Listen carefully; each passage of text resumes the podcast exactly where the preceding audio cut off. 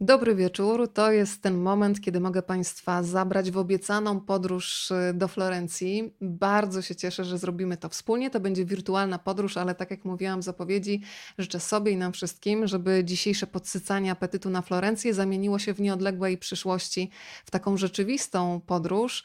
Ale teraz już czas najwyższy, żeby przywitać naszą przewodniczkę po tym mieście. Autorka książki Sekrety Florencji jest y, razem z nami. E, Kasiu, Kasia Nowacka, rzecz jasna razem z nami. Dobry, Dobry wieczór. wieczór. Dobry wieczór. Ja zawsze namawiam wszystkich, którzy spędzają z nami czas, żeby się meldowali, w jakich miejscach w Polsce i na świecie nas oglądają. To najpierw musimy Ciebie namierzyć na mapie Europy. Mhm. Będziemy mówić o Florencji. Ty jesteś kawałeczek od tej Florencji. Jaki to jest Tak. dokładnie kawałeczek i gdzie jesteśmy dzisiaj razem z Tobą? Jesteście ponad 60 kilometrów. Cały czas mówimy o prowincji Florencji, ale to jest Marradi, czyli ostatnia gmina tuż przy granicy z Emilią-Romanią. Taka najbardziej, najbardziej ukryta, schowana i e, nieznana większości turystów. To bardzo się cieszę, że dzięki Tobie myślę, że tutaj też między słowami, kiedy będziemy mówić o Florencji, również do tych swoich rodzinnych stron nas Mhm. zabierzesz. Mhm. Zdaję sobie sprawę, że dzisiaj razem z nami będą Twoi fani, którzy już doskonale Cię znają z bloga Dom z Kamienia, ale też Mhm. będą na pewno też tacy widzowie, którzy dzisiaj rozpoczną znajomość z Tobą i będą ją kontynuować potem razem z książką Sekrety Florencji. To powiedzmy trochę o historii Twojej przeprowadzki z. Polski do Włoch, bo to jest tak, że najpierw się człowiek zakochuje i ma takie swoje miasto do tęsknienia. Ja przyznaję, że na takim etapie jestem z Lizboną, czyli cały czas chcę wracać, wracać, ale jeszcze nie dojrzała ta decyzja, żeby się przenieść. Więc powiedzmy o tym momencie pierwszego zauroczenia, a potem tej decyzji, że w zasadzie nie ma co odkładać czegoś najpóźniej, tylko trzeba jechać. Jak było u Ciebie? Wiesz, to wszystko tak naprawdę nie byłoby sekretów, gdybym w 2007 roku e, nie przyjechała na pierwsze wymarzone toskańskie wakacje. To, że toskańskie wakacje to dosyć banalne, bo e, spora pewnie część e, społeczeństwa o tym marzy. Natomiast moje marzenie było troszeczkę inne. Ja wcale nie szukałam jakiejś znanej agroturystyki w Chianti, w najbardziej wypromowanej części Toskanii. Nie, we mnie jest taka przekorna dusza. E, I chciałam czegoś, gdzie będę mogła zasmakować takiego prawdziwego toskańskiego życia, wiesz, takiego autentycznego, gdzie nie będzie szyldów po angielsku, gdzie nikt nie będzie mówił po angielsku, bo już wtedy też e, od dwóch, e, prawie trzech lat uczyłam się włoskiego. Tak naprawdę nigdy nie, znaczy nie wiadomo czemu zaczęłam się uczyć, ale tak jak mówię, nic się nie dzieje bez przyczyny. E, I przyjechaliśmy tak naprawdę mm, drogą eliminacji. Znalazłam gospodarstwo agroturystyczne w Maradi, bo to gospodarstwo dysponowało niezależnym domem, czyli nie miałam całego przeglądu Europy za ścianą i mogliśmy sobie tak spokojnie obcować z, z tymi Włochami, z, i z Włochami jako krajem i z mieszkańcami Maradi. E, To był pierwszy, to był 2007 rok, więc e, ja mam dwóch synów. Wtedy byli maleńcy, mieli rok i trzy latka i jakby nie zależało mi na tym, żeby odhaczać, to były dwa tygodnie, żeby odhaczać wszystkie zabytki, pędzić e, Florencja, nie, we Florencji wtedy nie byłam, nawet w Sienie wtedy nie byłam, chyba tylko byliśmy w Pizie, a tak naprawdę skupiliśmy się na tym, żeby poznawać okolice. I pamiętam dokładnie ten moment, bo to był dzień przed wyjazdem, to było po tych dwóch tygodniach. Aha, jeszcze powinnam wspomnieć, że jestem warszawianką i do pewnego momentu warszawianką bardzo zakochaną w swoim miejscu, e, ortodoksyjną grochowianką i dla mnie po prostu wyprowadzenie się nawet do innego miasta było niedopuszczalne, a co dopiero do innego kraju. E, I kiedy przyjechaliśmy tutaj, po tych prawie dwóch tygodniach, pojechaliśmy, pamiętam, na jakieś pożegnalne lody do sąsiedniego miasteczka. Usiadłam w takim parku, do którego zresztą do tej pory mam sentyment i się rozpłakałam z, e, z rozpaczy, bo się czułam jak dziecko odrywane od piersi matki, że e, to było takie, to było niesamowite, bo to było tak silne poczucie. To nie była jakaś fanaberia, tylko to było tak silne poczucie, że to jest absolutnie moje miejsce, że przecież to w ogóle jaki Grochów, jaka Warszawa. E, wróciłam rzecz jasna do Warszawy, bo, bo życie to nie jest film, to nie jest tak jak pod słońcem Toskanii, to nie jest takie łatwe. Natomiast e, wracaliśmy każdego roku. Po trzech latach wynajęliśmy tutaj dom na stałe, tak żeby bywać tutaj jedną nogą tu, jedną nogą tam i cały czas jakby od tego momentu ja robiłam wszystko, żeby tutaj zamieszkać. Dzieci właściwie wyrosły z tą, z, tym, z tą moją miłością do Włoch i to one po każdych wakacjach pytały się, dlaczego my musimy ciągle wracać. E, I w 2013 roku, kiedy w międzyczasie też zmieniła się bardzo nasza sytuacja, powiedzmy, ekonomiczna, i był to absolutnie najgorszy moment na podejmowanie takiej decyzji. I paradoksalnie przez cały czas, to był 2013 rok, przez cały czas odkładaliśmy tą decyzję, bo my co roku zapowiadaliśmy, że już nie wracamy. Oczywiście nikt tego nie brał na serio. Natomiast e, przez cały czas mówiliśmy, że musi być lepszy moment, musi być więcej pieniędzy, musi być łatwiej. E, I wtedy pamiętam, że czytałam taką powieść e, i zapamiętałam zdanie, które mnie bardzo uderzyło, że nie ma sensu czekać na odpowiedni moment, e, bo on nigdy nie nadejdzie, po prostu taki moment nie istnieje. Więc jeżeli ktoś jest przekonany, ale naprawdę trzeba być przekonanym, bo wiesz, to jest tak, że pojedziesz sobie, nie wiem, na Malediwy, powiesz, och tak, mogłabym tu żyć, ale nie mówisz tego na serio, a to potem prawda. wracasz, wchodzisz w swoje tryby i tak dalej, życie toczy się dalej. Ja nie, ja nigdy tak naprawdę z tych Włoch nie wracałam, wracałam ciałem, ale nie sercem. Ale miałaś takie wrażenie, ja to czasem nazywam takim poczuciem, że nie wiem, czy ktoś w takie rzeczy wierzy, ale że jakbyś już kiedyś w jakimś, nie wiem, poprzednim wcieleniu tam była, że tam jest cząstka twojej duszy. Dokładnie, dokładnie. Ja tak zawsze powtarzam, że to jest moja mentalna absolutnie ojczyzna i to, wiesz, to tak jakbym się urodziła, wiesz, nie w tym kraju, w którym się powinnam urodzić, to jakaś pomyłka zaszła, także Dlatego ja się tak, tak doskonale tutaj odnalazłam I, i każdy rok, każdy, każdy następny rok, każdy kolejny pobyt utwierdzał mnie w tym przekonaniu. Tak, że to nie była taka chwilowa jakaś tam fanaberia, tak, czy jakieś chwilowe takie, nie wiem, e, fantazja, tylko, tylko tak, to było coś, do czego chciałam dążyć. No i w 2013 przyjechaliśmy na wakacje, już nie wróciliśmy. Kasiu, muszę Ci powiedzieć, że z minuty na, na, minutę nasze grono się poszerza. Przy okazji, jeżeli ktoś z Państwa chciałby się podzielić e, naszym spotkaniem, naszą rozmową, to nie ma nic prostszego. Pod tymi oknami, w których jesteśmy widoczne, mają Państwo taki guziczek polub, skomentuj, udostępnij. Wystarczy nacisnąć udostępnij ta rozmowa w czasie rzeczywistym będzie również obecna na Państwa osi czasu. Ja już widzę, że słuchaj, jesteśmy mhm. między innymi w deszczowej łodzi, jesteśmy mhm. w Łańcucie na Podkarpaciu. Swoją drogą e, deszczowo jest też dzisiaj w Warszawie. Powiedz, jaka pogoda jest u Ciebie? Będziemy trochę zazdrościć chyba. Zazdrości jest bardzo gorąco, chociaż przyszło ochłodzenie. Ochłodzenie w naszym wypadku to znaczy, że jest pewnie ze 30 stopni, e, ale jest tak, jest pięknie. Natomiast tak, nie no pocieszę, że w przyszłym tygodniu też i do nas idzie niestety pogorszenie pogody. Słuchaj, pozdrowienia kolejne Ci przekazuje Pani Ania, która zazwyczaj nas ogląda z Londynu, teraz jest e, na Mazurach. Pozdrawiamy. E, Pani Aniu, to mamy szansę się jutro tam spotkać. Proszę się odezwać po programie. Pozdrowienia, słuchaj, z Gdyni. Był Kapsztat mi tutaj gdzieś e, mignął, mhm. więc już jest bardzo międzynarodowo. Pozdrawiamy Grudziądz, Dobczyce, Głogów, Świętokrzyskie, Łódź i tak cały czas Państwo się wyświetlają. Bardzo się cieszę, że Państwo są. I proszę się meldować, bo to jest zawsze ogromna przyjemność czuć Państwa energię. Kasia, no to porozmawiajmy teraz y, trochę o książce, bo myślę, że powiedzmy o tych prawdziwych emocjach. Co się czuje? Ja doskonale pamiętam emocje debiutanta, więc chcę to usłyszeć teraz z Twoich ust, kiedy to, co najpierw było w głowie, to, co było w emocjach, w sercu, co było przenoszone do notesów, do zapisków, nagle ma formę książkową. Mało tego, że to jest takie dziecko, które puszczasz w świat e, i dostajesz teraz zdjęcia, że twoja książka ma dom w wielu innych domach, więc jak to jest? To jest niesamowite. Wiesz co, przede wszystkim to zaczyna od tego, że odkąd, e, nie wiem, skończyłam może 13-14 lat, e, dzienniki, pisanie dzienników to, była, to był mój nauk. E, I ja od wczesnego, czy od dzieciństwa marzyłam o napisaniu książki, o pisaniu w ogóle. Ja po prostu uwielbiam pisać. Dla mnie mówienie dzisiaj jest wielkim wyzwaniem, bo zdecydowanie łatwiej mi przelewać myśli na papier, kiedy jestem sama. Natomiast jak, kiedy przyjechaliśmy tutaj, ja cały czas wtedy rozkręciłam się coraz bardziej z pisaniem. Wtedy ktoś mi podarował toskańskie notesy, toskański notes i tak się narodziła ta cała moja tradycja tych e, toskańskich notesów, które potem mają różne też nazwy, koronkowe, korkowe i tak dalej, bo wielu, wielu gości, który, którzy przybywają tutaj podarowuje mi kolejne, kolejne notesy do kolejnych zapisków. Natomiast jak to było z Florencją? Wiesz co, e, może skończmy o książce. E, jak napisało do mnie wydawnictwo w ogóle, że w ogóle zainteresowane moją książką, w pierwszej chwili myślałam, że to żart ogóle myślałam, że to niemożliwe, żeby takie marzenie się spełniło. Czekałaś jak na program Mamy Cię, że za chwilę tak, tak, tak, tak, tak, absolutnie, dokładnie, że to jest absolutnie jakiś, jakiś żart, taki średnio, średnio zabawny. E, potem oczywiście wszystko, wszystko poszło już fantastycznie i, i to, była, to był przemiły czas, bardzo intensywny tej pracy i, i w ogóle kontaktu z, z wydawnictwem. Natomiast e, jakby do końca nie wierzyłam, że to się dzieje naprawdę.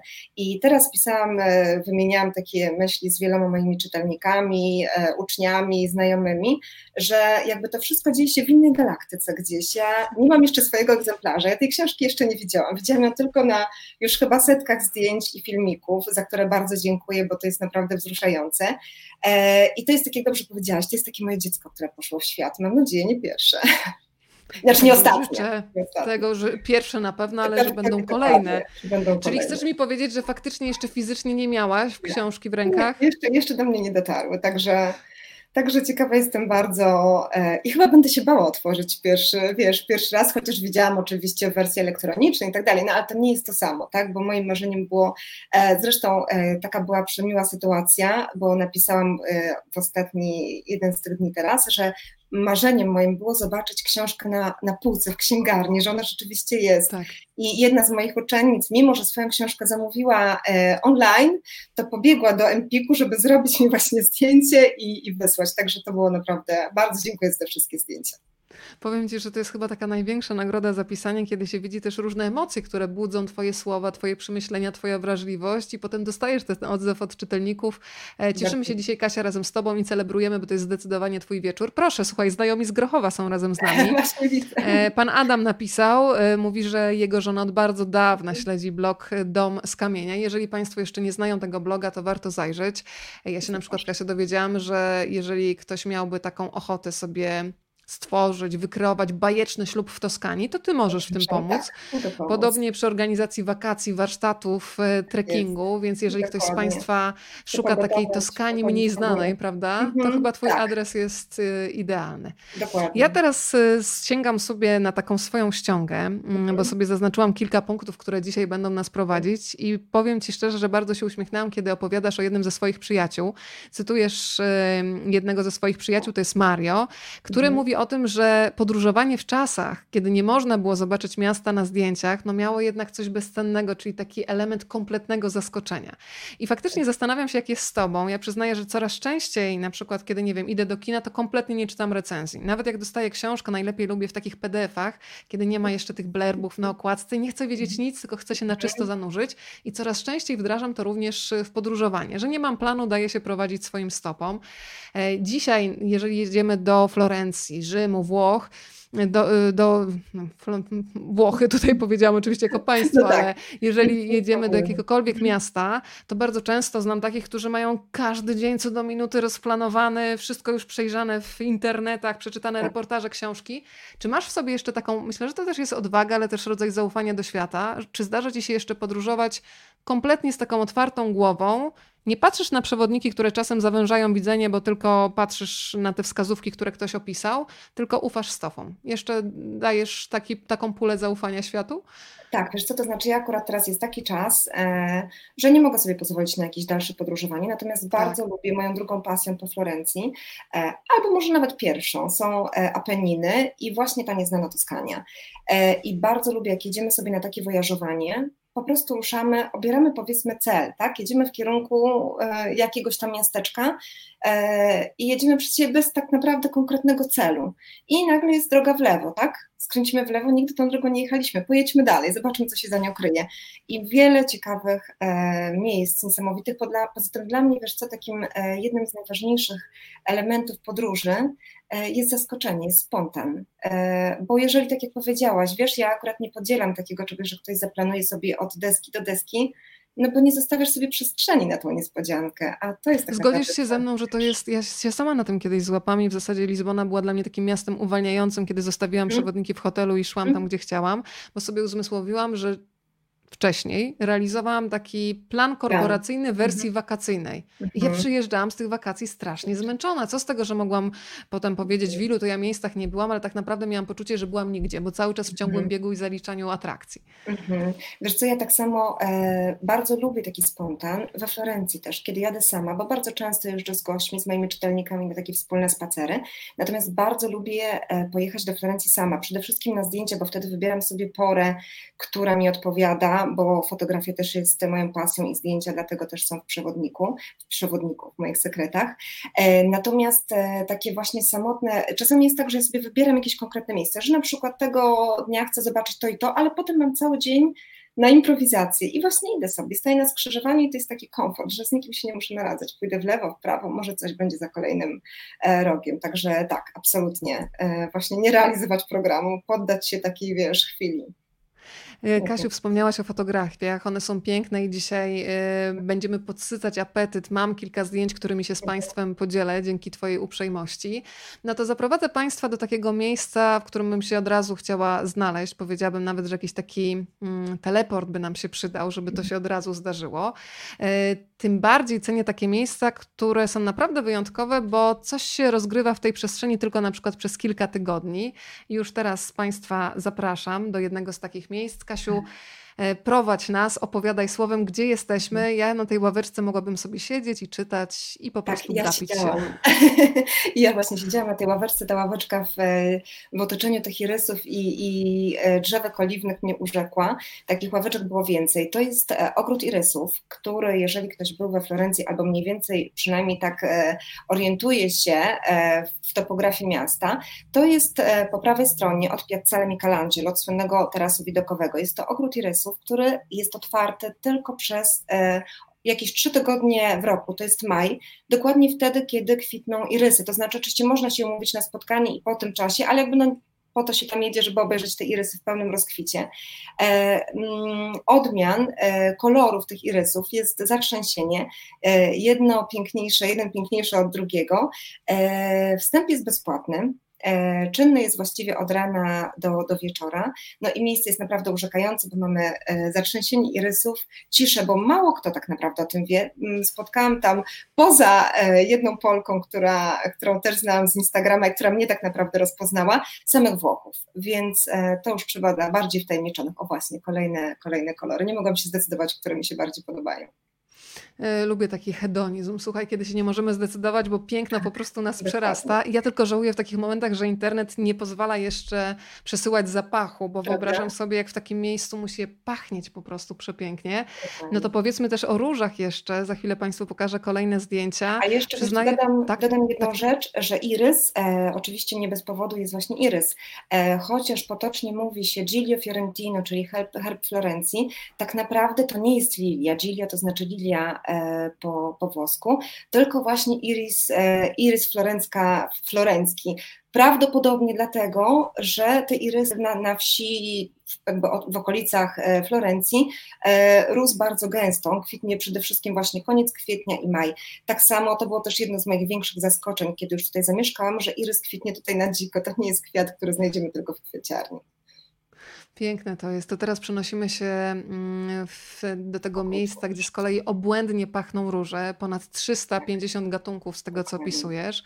E, powiedz proszę, co to jest za miejsce? Czy to jest gdzieś po sąsiedzku z irysami, czy kompletnie e, inna przestrzeń? Po sąsiedzku. Znowu jesteśmy na Piazzale Michelangelo i teraz się przesuwamy na lewą stronę stojąc twarzą do, e, do, do Duomo. E, ogród Róż, e, również wstęp jest bezpłatny. Jest piękny tak naprawdę o każdej porze roku, ale wiadomo, że, że najpiękniej jest tam właśnie w momencie, kiedy kwitną róże. Tak jak powiedziałaś, jest ponad 300 tysięcy gatunków. Zapach jest fenomenalny, tak naprawdę już z daleka jeszcze... 300? 300 gatunków czy... Odmian, przepraszam, ja, ja mylę, tak? tak? Nie, nie, nie, bo powiedziałaś 300 tysięcy, chyba ponad 350. 300, tak? tak, tak. Przepraszam, oczywiście. Jasne, nie, nie. To, to, e, tak, tak, tak, ściślej łap mnie za, wiesz, e, jestem jeszcze przejęta, więc wiesz, mogą się takie Ja razem z Tobą, słuchaj. E, w każdym razie różne są, e, zapach jest fenomenalny, bo nie jesteś jeszcze w tym ogrodzie, a już z daleka czujesz zapach, więc wiesz, że jesteś blisko. I co ciekawe, to mnie e, urzekło, pamiętam e, przy pierwszej wizycie, e, to co było dla mnie, dla warszawianki, gdzie, która zna łazienki i tak dalej, rzeczą taką dziwną, że możesz tam przyjść z kocykiem, rozłożyć się z kanapkami, z butelką wina, z książką i po prostu z widokiem, bo widać stamtąd pięknie panoramę Florencji, po prostu zrelaksować się, odsapnąć od właśnie chaosu miasta. To jest piękne faktycznie, bo w wielu takich miejscach, e, na przykład w Warszawie, no ten kocyk niestety jest tak, zakazany, tak, czyli można właśnie. sobie gdzieś tam ścieżkami krążyć, ale już nie można być tak. w takiej wspólnocie z naturą, więc to musi być na pewno e, wyjątkowe. Uśmiechałam się bardzo mocno, kiedy pisałaś o takich miejscach, przy których się zastanawiałaś, zdradzać czy nie zdradzać i czułaś się trochę podobna jak Golum z Władcy Pierścieni, że to jest tylko twój sekret, no ale w mhm. końcu podzieliłaś się kilkoma takimi sekretami, które do tej pory nie, po, nie pojawiały się w różnego rodzaju przewodnikach, to powiedz o tych twoich sekretach e, i tutaj zobowiązuję Państwa, którzy nas słuchają, że będziemy z tych sekretów korzystać, ale też nie nadużywać, ok? Dokładnie. E, wiesz co, takim moim największym zaskoczeniem, pamiętam zresztą e, tym miejscem podzieliła się moja znajoma e, Włoszka, kiedy ja się pochwaliłam, że oczywiście pracuję już gdzieś tam nad sekretami i zbieram te wszystkie moje opowieści i że w ogóle już wiem wszystko o Florencji. I ona zadała mi wtedy tylko jedno pytanie. A Bello Sguardo znasz? Nie znam ale to, była, to był kolejny cel mojej wyprawy i to jest e, część Florencji, to jest e, powiedzmy dzielnica, no tak to można nazwać, wzgórze całe, które, w którym miesza się taka finezja pięknych, zabytkowych willi z przaśnością takiej, takiej toskańskiej wsi, bo za murkiem są gaje oliwne. Do tego wszystkiego masz e, widok na całą, e, na całą Florencję. To jest absolutnie e, fantastyczne i e, oczywiście nie ma tam turystów. E, nawet e, możesz spotkać jedną, dwie osoby po drodze, masz całą Florencję dla siebie.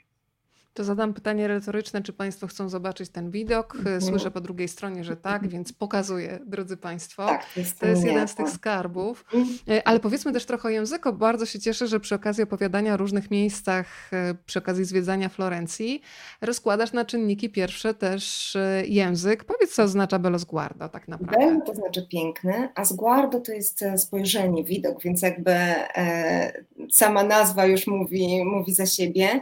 E, no właśnie, i, i Bello Sguardo to jest całe wzgórze, które możemy sobie przespacerować i podziwiać panoramy e, w ciszy i spokoju, bez turystów. Nie tylko na Piazzale można właśnie robić, zrobić z Piazzale piękne zdjęcia. Jest takich miejsc więcej. A jeszcze a propos takich tajemnic, wiesz, e, inną taką moją, takim moim sekretnym miejscem jest e, Sant'Ambrogio. To jest miejsce, gdzie znajduje się miniatura targu, bo główny targ to jest Mercato Centrale na San Lorenzo, a jego miniatura jakby, i to jest praktycznie Mercato, gdzie rzeczywiście Florentyńczycy robią zakupy, gdzie się stołują, znajduje się na Sant'Ambrogio, za Santa Croce.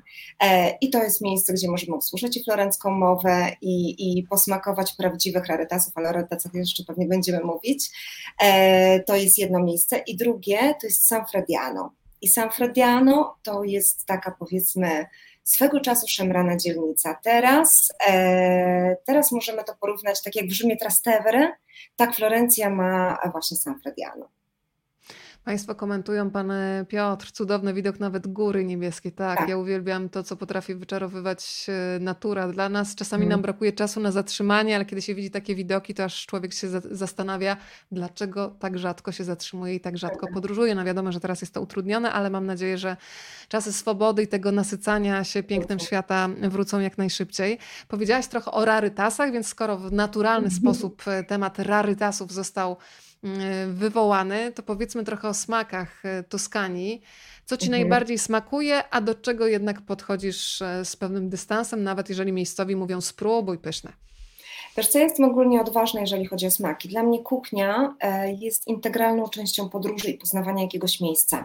E, w ogóle nie wyobrażam sobie, żeby jechać do Florencji, wiesz, jeść, na, już nawet nie mówię, że w McDonaldzie, tak, ale jeść na przykład, nie wiem, carbonarę, tak, bo to nie to miejsce. Tak. E, natomiast kuchnia Florencji przede wszystkim, nie mówię o Toskanii, tylko Florencji, jest bardzo często zaskoczeniem, bo kuchnia Florencji to przede wszystkim, no, znana wszystkim bistecca la Fiorentina, czyli stek, który absolutnie musi być krwiste, bo w takich prawdziwych lokalach e, z historią, z tradycją, kiedy wejdziesz i zamówisz bisteckę dobrze wysmażoną, po prostu wyproszą cię z lokalu, bo to byłaby profanacja.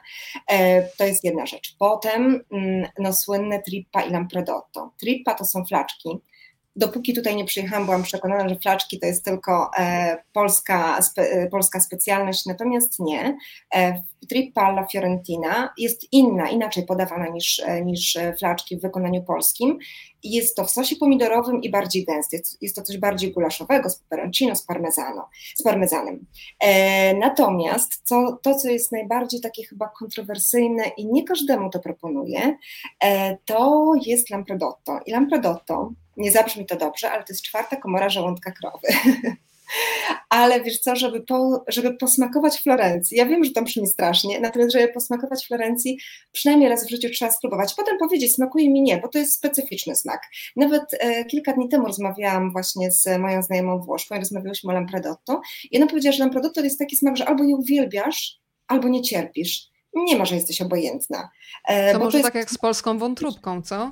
Trochę tak, trochę, może tak, dokładnie. Natomiast chyba myślę, że to jest bardziej takie, wiesz, jeszcze szokujące dla niektórych i takie prawdziwe lampredotto właśnie najlepiej zjeść na Sant'Ambrogio albo na San Frediano. To są dwie dzielnice, które, e, takie dwa rejony, które słyną właśnie z tych dawnych trippai. Trippai to byli ci, którzy sprzedawali te wszystkie flaczki lampredotto i taki klasyk to jest kanapka, e, najlepsza, jedna z naj, takich najmilszych e, budek, powiedzmy tak to nazwijmy, jest właśnie na Sant'Ambrogio, to nie jest na Mercato, tylko przy, przy kościele świętego Ambrożego e, i to syn z ojcem prowadzą tą, e, to, to stoisko, tylko trzeba przyjść tak do 14, bo po 14 już nic nie ma i na Twoich oczach pan z gara wyławia taki kawałek mięsa, sieka, e, pakuje w bułeczkę, tą bułeczkę nasącza rosołem i oczywiście zawsze zamawiamy panino completo, czyli kompletną kanapkę, tak jak florentyńczycy, z zieloną salsą i z peperoncini.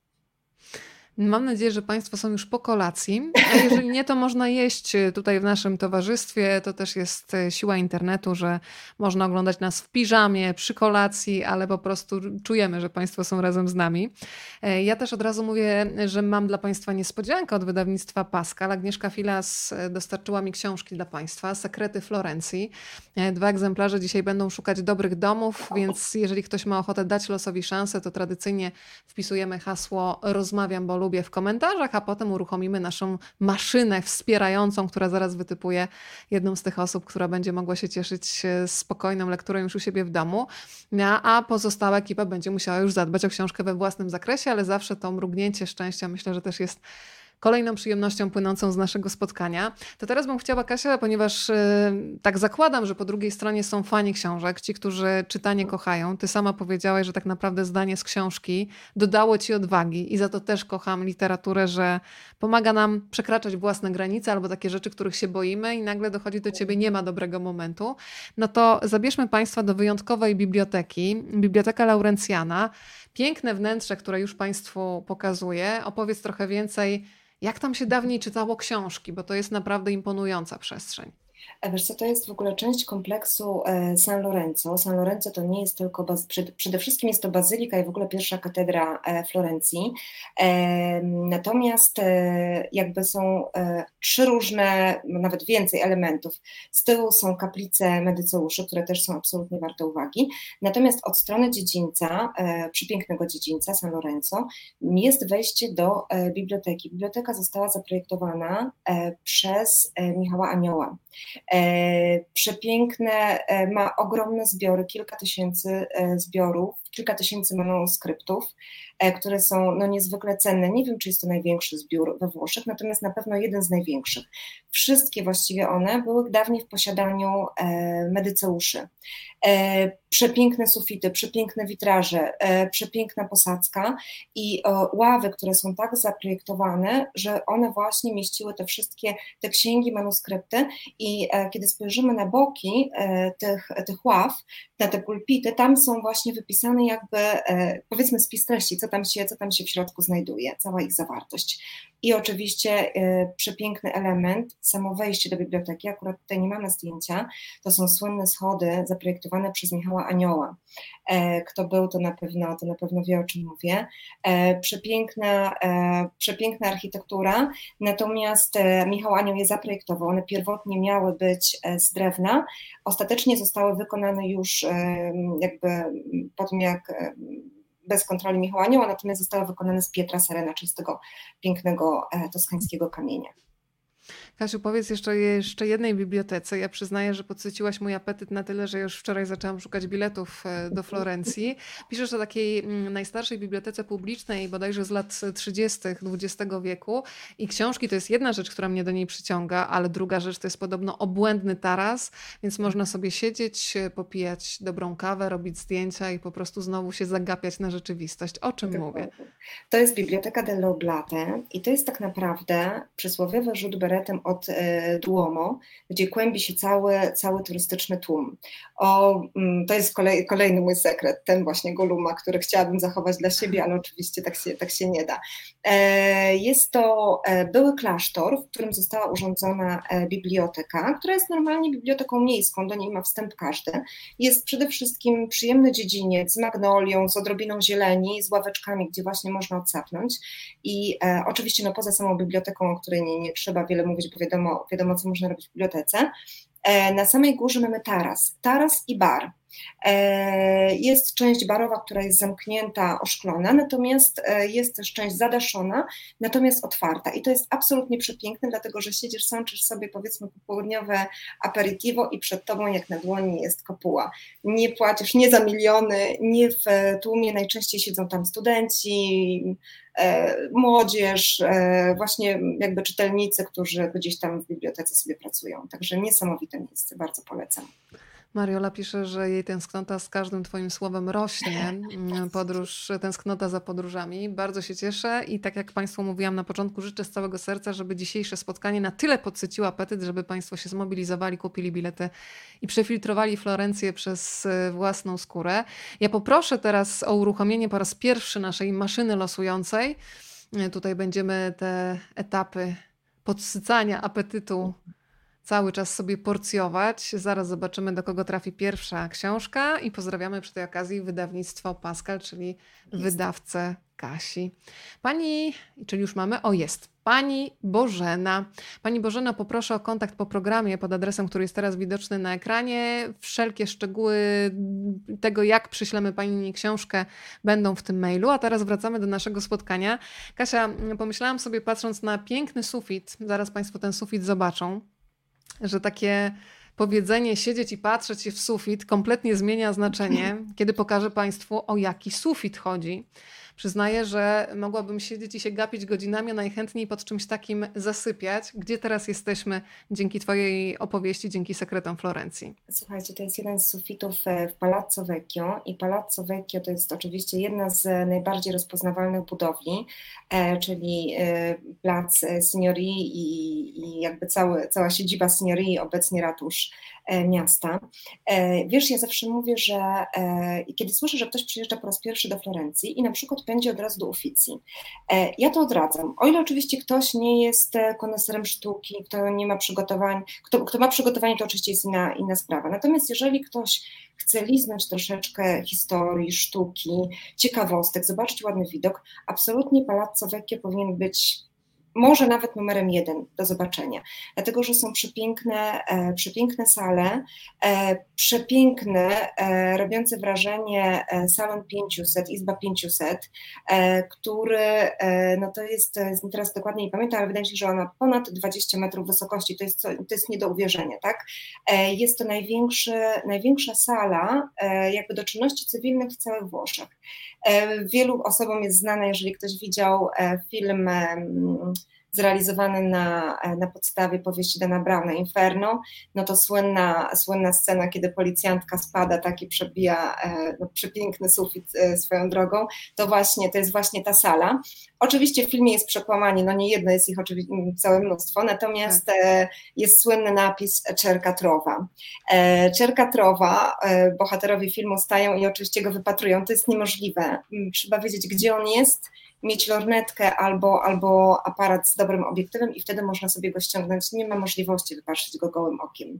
E, natomiast przepiękne są malowidła i to jest w ogóle bardzo ciekawa też e, historia, bo tutaj się splatają losy Michała Anioła i Leonardo, czyli dwóch wielkich osobistości. E, kiedy zaczął, kiedy powstał salon 500, Izba 500, to zlecenie na ozdobienie zostało powierzone właśnie Leonardo. Kiedy dowiedział się o tym Michał Anioł, E, mówiąc tak mało dyplomatycznie, trafił go szlak, bo on siebie uważał za pierwszego e, gwiazdora e, Florencji. Dla mnie, dla mnie nim zawsze będzie Paradoksalnie żaden, żadna z prac nigdy nie została ukończona. Michał Anioł tak naprawdę zakończył swoją pracę na etapie szkiców, a Leonardo podobno eksperymentował z jakimiś nowymi technikami. E, te freski spłynęły i zostały zamalowane mm, w następnych latach. Także tylko pozostała legenda i tak naprawdę właśnie bardzo często ten napis Szerka Trowa, różne są teorie, tak naprawdę nie wiemy co to znaczy, niektóre odnoszą, niektórzy odnoszą się właśnie, że to jest taka aluzja, wiesz, szukajcie i znajdziecie co jest pod tym, tak. To teraz zabieram nas do kolejnego miejsca. Od razu Cię, Kasia, proszę, żebyś mnie poprawiała, jeżeli przekręcam włoską wymogę. Staram się bardzo. Chiostro mhm. dello Scalzo. Może być? dello Scalzo. Dobrze, brawa. No to się bardzo cieszę. Powiedz w takim razie, gdzie jesteśmy, a ja już Państwu pokazuję, tak żeby Państwo mogli słuchać, a jednocześnie śledzić e, to wszystko na ekranie. Wiesz co, Chiostro dello, Scalzo to jest przede wszystkim bardzo ciekawe miejsce i kompletnie, myślę, nieznane turystom. To jest, jesteśmy cały czas e, w okolicach klasztoru San Marco. E, I dziedziniec jest ozdobiony freskami Andrea del Sarto. To był jeden z głównych artystów, Swoją drogą jest to artysta, e, który jest autorem mojej ulubionej Ostatniej Wieczerzy. Ostatniej Wieczerzy to jeszcze za chwileczkę. E, I na dziedziniec jest wstęp absolutnie wolny. To jest tak naprawdę tylko ten dziedziniec i te takie monochromatyczne, lekko zielone freski, które rzeczywiście są inne od, od wszystkich, które znamy. E, natomiast Chiostro dello Scalzo to było... Um, bractwo bosych, chyba tak można było to, byłoby to przetłumaczyć, dlatego że rzeczywiście ten, który niósł krzyż, jak była procesja, e, szedł boso. Także stąd, stąd to się wzięło. A jeszcze właśnie a propos Andra del Sarto, e, też jeszcze jedno miejsce, tu pewnie zdjęcia nie będziemy miały. Natomiast e, to jest też miejsce warte uwagi. Już troszeczkę poza centrum, więc mało osób tam dociera. Natomiast absolutnie warto. Tak samo miejsce, gdzie nie trzeba płacić za wstęp. Problem z takimi miejscami jest taki, że bardzo są ograniczone godziny wizyt. Trzeba sobie wcześniej sprawdzić, zwłaszcza teraz w czasach pandemii, e, to jeszcze bardziej się skomplikowało, więc warto sprawdzić, czasami są, to dwa dni w tygodniu, czy trzy dni w tygodniu przez tylko kilka godzin. Natomiast są to miejsca, gdzie nie trzeba rezerwować biletów, płacić za te bilety i nie trzeba się rozpachać łokciami, żeby te dzieła sobie pooglądać, czy w Chiostro dello Scalzo, czy właśnie e, w Muzeum Andrea e, del Sarto można sobie usiąść i spokojnie kontemplować te dzieła sztuki, a wieczerza Andrea del Sarto jest moim zdaniem najpiękniejszą ostatnią wieczerzą e, we Florencji. Jest ich kilka. Tak, ty nawet sobie za punkt honoru chyba postawiłeś, tak. wszystkie ostatnie wieczerze Absolutnie. w różnych przedstawieniach zobaczyć. Brakuje mi dwóch, a jakby szybki pokrzyżowała właśnie pandemia, bo wiele z tych miejsc niestety po pandemii jeszcze e, nie zostały, nie zostało otwarte, także muszę poczekać cierpliwie. Ale też e, powiem Ci, że powiem Państwu, że trzeba się też nauczyć patrzeć na takie dzieła, bo e, to jest tak, że moje pierwsze wizyty we Florencji, e, ganianie po kościołach i oglądanie, to było oglądanie bez widzenia, to było patrzenie bez widzenia. I dopiero e, myślę, że takim momentem przełomowym było obejrzenie ostatniej wieczerzy w Oni, Onisanti u Wszystkich Świętych. To jest też jedna z piękniejszych, jedno z piękniejszych malowideł. Mm, I tam jest cały opis, cała analiza z boku e, każdego detalu. I okazuje się, że patrząc na taki obraz, e, nawet wisienka, nawet czeresinka nie jest przypadkowa, bo to jest symbol kropli krwi. E, ptak, akurat ten, e, to też jest symbol, nie wiem, odwagi, zbliżającego się niebezpieczeństwa itd., tak itd. Tak Więc już wtedy zrozumiałam, po co ktoś ustawia bardzo często w tych e, miejscach e, krzesła, takie w teatrze. Bo to się nie da wejść, zobaczyć i wejść. To trzeba po prostu, to trzeba właśnie zobaczyć, tak naprawdę, całym sercem. I to też jest chyba piękne, kiedy można swoje miasto, bo tak y, mogę już chyba myśleć, że trochę już Florencję jako swoją traktujesz, y, że można za każdym razem coś nowego odkrywać i za to można mieszkać latami w jednym tak. miejscu i cały czas jest jakiś detal, który nam otwiera kolejną historię. A skoro mówimy o otwieraniu historii, to bardzo się cieszę, że w Twojej książce Sekrety Florencji pokazujesz też, że pewne detale architektury też opowiadają historię z przeszłości. I teraz pokażę Państwu pewien detal architektoniczny. Mamy takie okienko, mhm. które jest mniej więcej, myślę, na wysokości wysokiej osoby pewnie pasa. Dokładnie. Jakoś tak, może nawet tak, niżej. są nawet niżej, tak, ale generalnie tak. To są, Buketa del Vino, o co dokładnie. chodzi? Dokładnie. To są, e, to były mm, takie dziurki, dosłownie tłumacząc buketa to będzie dziurka z winem. E, bardzo często właśnie w takich domach, jakby wyżej urodzonych, tak, gdzie, miał, gdzie mieli swoje winnice i kantiny z winem. No nie było tak jak teraz, że masz bar na każdym rogu i możesz iść, kiedy tak. sobie dusza zapragnie, napić się wina. Więc sprzedawali właśnie kieliszeczki wina i taki zwykły, nie wiem, mieszczanin, tak, mógł sobie tam podejść i od pewnych tam porach zadzwonić i kupić szklaneczkę wina. Z tego co wiem, co ciekawe, w czasach pandemii e, niektóre z tych e, dziurek znowu zaczęły funkcjonować, no bo jakby tak. akurat stworzone na miarę czasów, można powiedzieć paradoksalnie. Natomiast e, niektóre są oczywiście zaniedbane. Znajdziemy je w każdym miejscu Florencji i z tego co wiem jest to tylko florencka rzecz. Nie ma tego w żadnym innym mieście. Niektóre, tak jak tutaj te na zdjęciu, no to jest oczywiście pięknie odrestaurowane. Inne są witrynkami, domofonami, a inne po prostu poddały się e, jakby zniszczone i tam już nic praktycznie nie ma.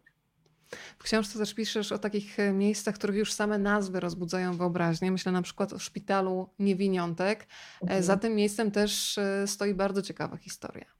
Tak, w ogóle e, Szpital Niewiniątek to jest też e, cały plac jest fascynujący, bo to jest plac Santissima Annunciata, który mimo tego, że jest dwa kroki od Duomo, jest bardzo często pomijany przez turystów. E, jestem tam praktycznie za każdym razem, kiedy, kiedy spaceruję na przykład z moimi czytelnikami i nigdy nie znalazłam tam tłumu. Naprawdę kręci się zawsze garstka, garstka ludzi. Jednym z najważniejszych budynków na placu to jest właśnie Ospedale degli Innocenti, Szpital Niewiniątek. E, mówi się, w ogóle zaprojektowany jest przez e, Brunelleschiego, tego samego, który zaprojektował kopułę. E, mówi się, że jest to pierwszy tak naprawdę prawdziwie renesansowy budynek w Europie, przynajmniej tak, tak podają źródła. Te niebieskie mm, kółeczka to są tak naprawdę ceramiki przedstawiające niemowlęta. W, mm, po lewej stronie, patrząc na zdjęcie w rogu, znajduje się mm, finestra ferrata, czyli takie okno życia. E, był to mechanizm, który e, działał tam, gdzie można było podrzucić te, te biedne dzieciaczki.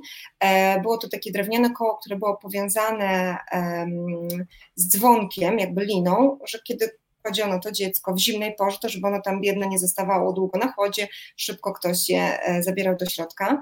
Mówi się, to, to okno funkcjonowało do, e, przez prawie 500 lat, 400-500 e, lat i mówi się, że przewinęło się przez nie około pół miliona dzieci. Widzę, że są z nami też fanki Florencji. Beata, dobrze Cię mhm. widzieć. Beata napisała Szpital Niewiniątek, moje ulubione miejsce we Florencji. E, mhm. Cieszę się, że wędrujemy po, częściowo po takich śladach, które Państwo znają. Odkrywamy też nowe miejsca. Ktoś mhm. tutaj napisał, Pani Beata, nie ma mocnych, wiosną do Florencji koniecznie. Czyli już, Kasia, Twoja opowieść podsycająca tak, apetyt, jak widać, bardzo dobrze działa. Bardzo się cieszę, Kasia, bo mm, Ty też znalazłam takie elementy wspólne, kiedy napisałaś o cmentarzach. To sobie mhm. pomyślałam, że y, masz taką wrażliwość, która mnie pociąga, bo y, ja przyznaję, że ja też bardzo lubię cmentarze. O ile na przykład w Polsce ja się ich obawiam, one budzą we mnie jakiś lęk, o tyle, y, prawda? To, to, mhm. to, na przykład ja mam ukochane swoje miejsce w Lizbonie, cmentarz Prezerysz, czyli taki cmentarz przyjemności, gdyby to dosłownie przetłumaczyć. Więc sama nazwa już jest taka zaskakująca. I słuchaj, tam są koty, które po prostu rządzą tym miejscem, jakby były opiekunami gdzieś, takie bezszelestne, ale bardzo intensywnie obecne, wygrzewają się na tych pomnikach. Cmentarz jest bardzo estetyczny, e, ale ty pisałaś w taki sposób o cmentarzu, szczególnie o cmentarzu Porte Sante, że ja pomyślałam, że to na pewno będzie jedno z miejsc, które będę chciała odwiedzić we Florencji. Jak tam trafiłaś i gdybyś miała opisać atmosferę tego miejsca, to co by było pierwsze w Twojej głowie? Wiesz co, trafiłam tam e, przypadkiem, bo tak naprawdę celem mojej, mojej wędrówki, bo szpital znajduje się na wzgórzu, e, nie szpital, tylko cmentarz, przepraszam, znajduje się na wzgórzu, e, kiedy już się wypoci, nie wiem, które poty, żeby się wdrapać na Piazzale Michelangelo, to trzeba wejść jeszcze wyżej do kościoła San Miniato al Monte. To jest też jedno z moich ulubionych miejsc. I właśnie wokół tego, sam, sam kościół jest fantastyczny, tam też wstęp jest bezpłatny, też niewiele osób się tam fateguje, a to jest naprawdę miejsce miejsce absolutnie godne uwagi. E, natomiast za kościołem i dookoła niego rozciąga się cmentarz. I to było moje zaskoczenie. Wiesz, ja takie miałam wrażenie, wiele tych, to miejsce, które jest akurat na zdjęciu, te pierwsze groby, takie białe, marmurowe, takie właśnie też monochromatyczne, to są groby dzieci w ogóle z bodajże XIX, XIX jeszcze wieku. Na cmentarzu jest kilka znanych grobów, jest pochowany Collodi, autor Pinokia. Jest też kilka bardzo pięknych grobów, z którymi wiążą się niesamowite historie. Moja ulubiona to jest ta, gdzie jest brat i siostra, Mario i Maria. Piękne groby zdobią dwie piękne marmurowe figury naturalnych rozmiarów i kiedy patrzymy na nie z daleka, wydaje się, że to jest para narzeczonych, para, para zakochanych, bo są zwróceni do siebie, wyciągają do siebie ręce, uśmiechają się, on jest w mundurze lotnika, ona ma na sobie suknię ślubną. Jest to historia, e, właśnie dwójki, historia, jest to grup dwójki rodzeństwa, gdzie on zginął w czasie wojny, był lotnikiem, a ona zdaje się rok później, jako dwudziestoparolatka, tuż przed swoim ślubem, dlatego jest w sukni ślubnej. I matka, jakby, gdzie w czasie roku, jednego roku straciła dwoje dzieci, e, ufundowała właśnie taki, taki pomnik na, na pamiątkę. Bardzo poruszające, ale takich pomników jest więcej. I jeszcze jedna rzecz, że z, z cmentarza jest przepiękny też widok na, e, na całą Florencję.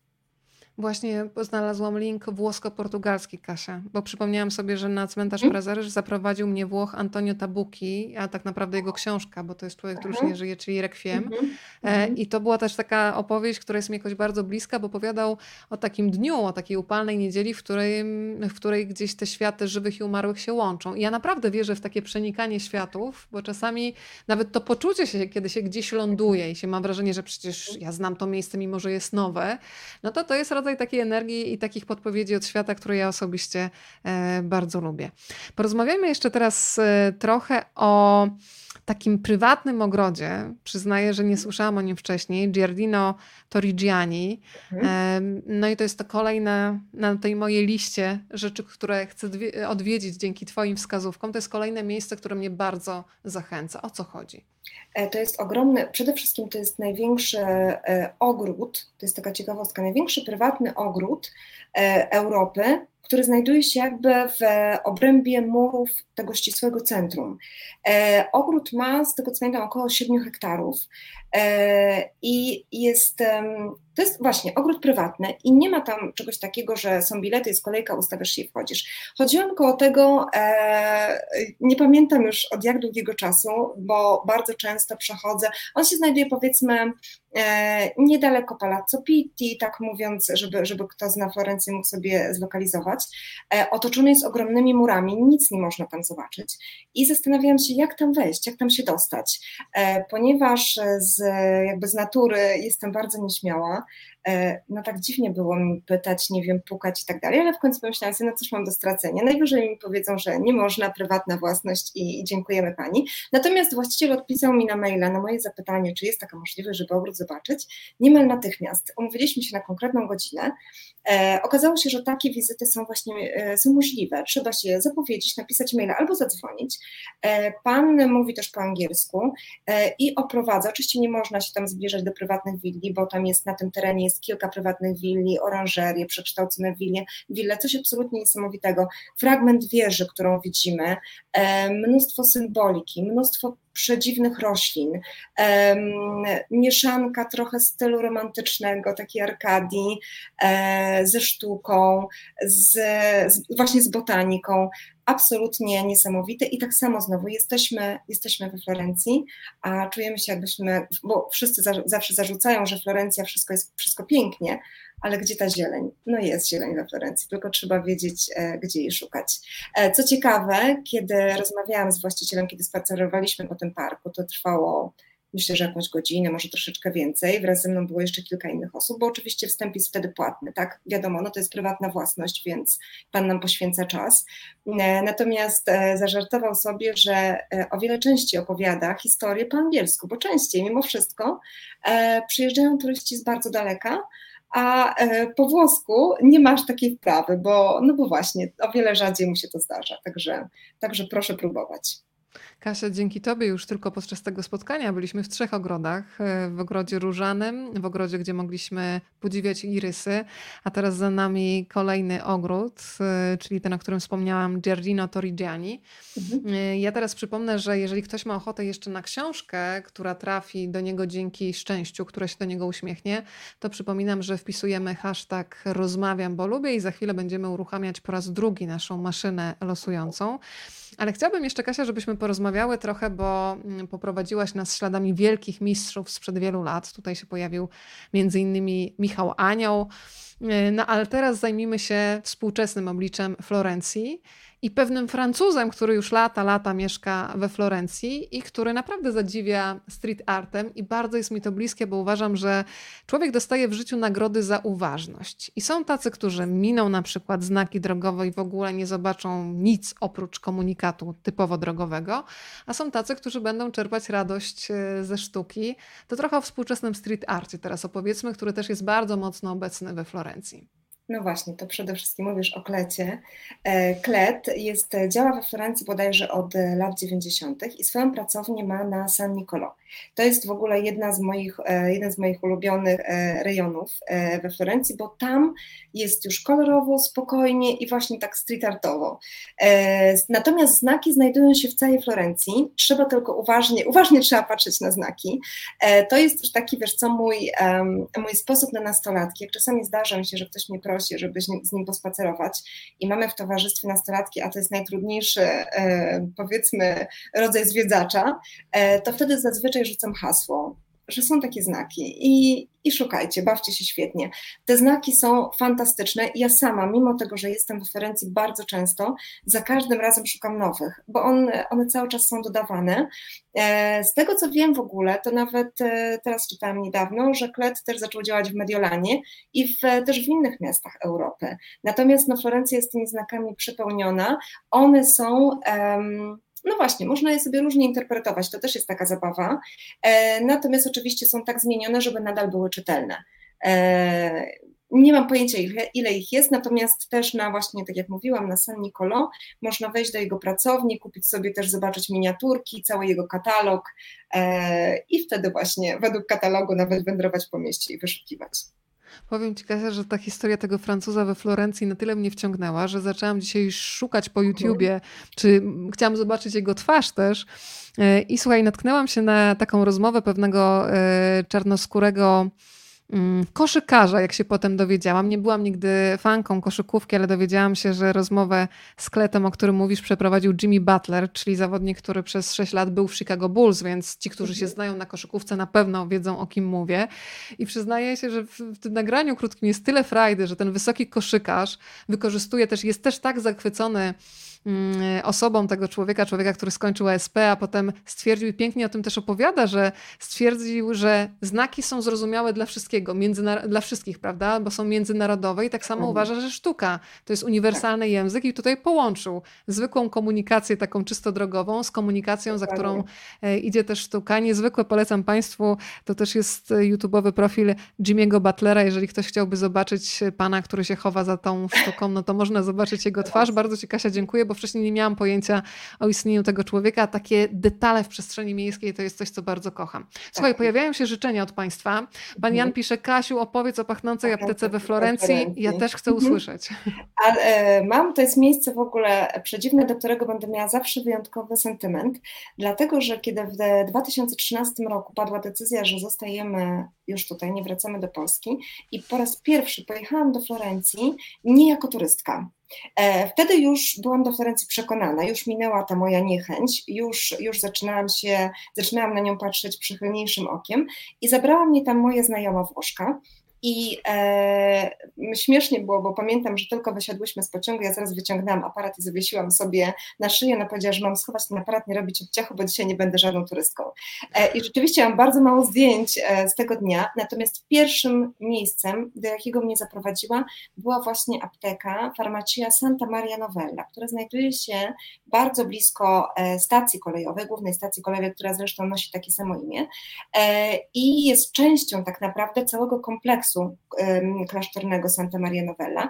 Jest to bodajże najstarsza apteka, przepiękne wnętrza, apteka, która działa do tej pory, E, również jako, jako też działa perfumeria, e, bardzo znana i bardzo uwielbiana. Niestety e, coraz więcej osób ją odkrywa i nie ma już, kiedy ja tam byłam po raz pierwszy no 8 lat temu, to rzeczywiście nie było nikogo. Teraz już turyści są, oczywiście to bardzo dobrze, no bo, bo jakby Florencja z tego żyje. Natomiast przepiękne wnętrza i też taka ciekawostka, że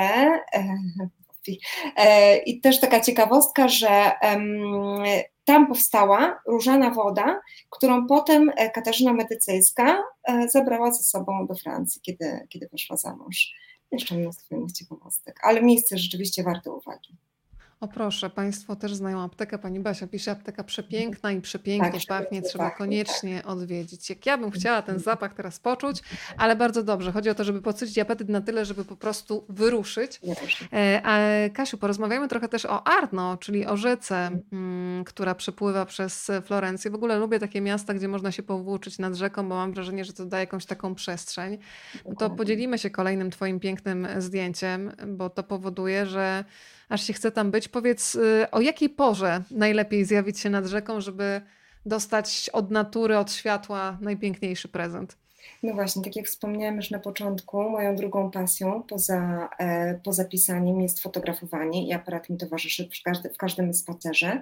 E, I uwielbiam, moją ulubiona pora to jest październik, w, czy październik, wrzesień, e, wczesna jesień, środkowa jesień. E, i najpiękniejsze są poranki. E, są takie dni, kiedy rzeczywiście e, powietrze jest, nawet nie wiem jak to, znaczy światło jest takie miękkie, powietrze jest zupełnie inne. Czasami są takie dni, że jakby Arno jest tak gładziusieńkie jak lustro i wszystkie budynki stojące wzdłuż Arno przeglądają się. To jest naprawdę fenomenalne.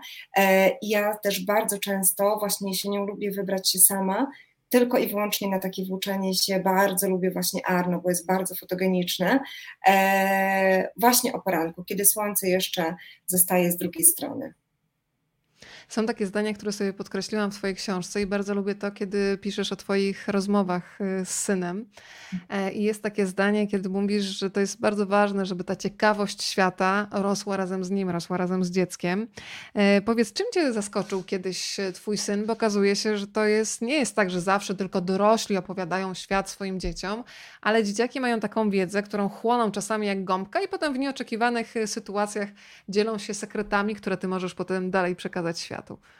E, jedna rzecz, której będę pewnie zawsze zazdrościć moim, e, moim chłopakom, to jest to, że przedmiot, który jest e, tutaj w szkole, przedmiot nazywa się arte, czyli sztuka. Nie ma nic wspólnego z plastyką, którą ja znam jeszcze ze swoich lekcji. I rzeczywiście dzieciaki, które wychodzą ze szkoły, mają pojęcie o, o stylach, o architekturze, o artystach. Do tego jeszcze moje dzieci miały to szczęście, że rzeczywiście. Um, osoba, która uczyła ich tego przedmiotu, e, no była taka powiedzmy lekko, e, no żeby nie powiedzieć ześwirowana na, na punkcie sztuki, ale to ześwirowanie gdzieś tam im przekazywała i zarzucała ich różnymi ciekawostkami. I pamiętam do tej pory, jak mój syn właśnie wrócił kiedyś z takiej lekcji, zresztą bardzo się lubił dzielić wszystkimi opowieściami, bo wiedział też, że ja te opowieści chłonę i potem gdzieś tam się na blogu przewijają. E, właśnie o Simonetcie Vespucci, to była najpiękniejsza kobieta. To jest kobieta, kobieta, która dała twarz e, chociażby Wenus na przykład e, ze słynnego obrazu Botticellego. E, I kobieta, mówi się, że była nie tylko najpiękniejszą kobietą Florencji, ale w ogóle tamtej Europy.